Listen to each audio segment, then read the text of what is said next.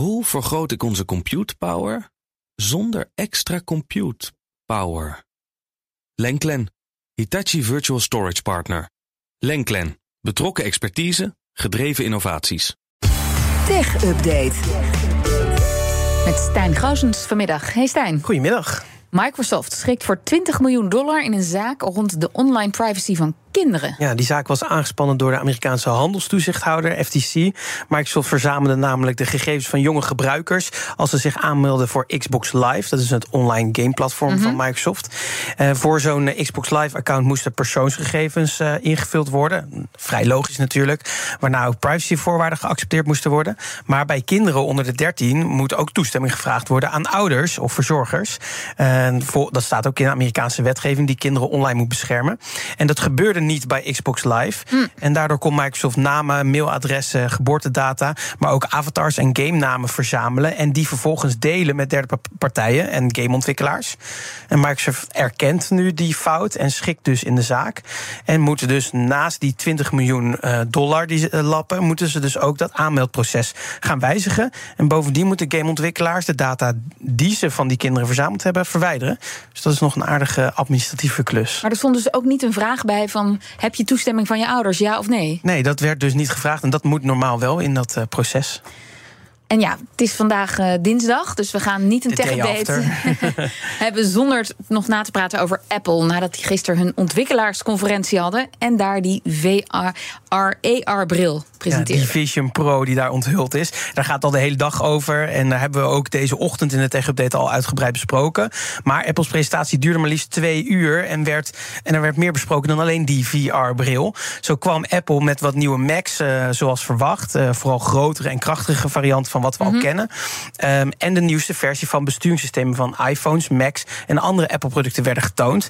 En dat is altijd weer even wennen als iPhone-gebruikers, uh, als iPhone-gebruiker, als je iPhone ineens weer heel anders werkt. Dit keer geen wereldschokkende aanpassingen, dus daar kan je okay. gelukkig ja, rustig op ademhalen. Maar ik wilde wel een paar veranderingen noemen, die, de, die je dus in iOS 17 na de zomer op je iPhone kan verwachten. Uh, de grootste makeover zit hem dit keer in de contacten-app, dus waar je al je, uh, je telefooncontacten hebt. Oh, wat is daar dan anders? Nou, uh, je kan daar dus nu. Uh, ja, het ziet er gewoon anders uit. Maar je kan dus ook je eigen contactgegevens. Daar kan je een eigen foto aan toevoegen. Een eigen soort van contactposter, een profielposter kan je maken. En die komt dan bij andere bellers in beeld als je hen belt. Oké. Okay. Uh, dat is dan wel weer. kan wel lekker chaotisch worden. Want je kan maar net een gek plaatje daar neer hebben. Ik weet niet hoe dat dan weer zit. Dus dan moet ik ook nog even zelf downloaden ja, en induiken. Houdzakelijk, mensen, houdzakelijk. Ja. en ook kun je live meelezen met transcripties van inkomende voicemails. En eventueel toch opnemen als dat dan interessant is. Uh, en je kan je nummer delen. Dat wordt een stuk simpeler. Normaal moet je dan natuurlijk het overtypen terwijl iemand anders zijn nummer zegt. En nu kan je gewoon je iPhone bij de andere iPhone houden en dan wordt die overgebracht. Zou je zeggen, waarom was dat er nog niet? Uh, en uh, wat dan nog, wat ik nog wel een goede vond, je kunt een soort automatisch thuiskomberichtje laten sturen naar specifieke mensen als je onderweg bent.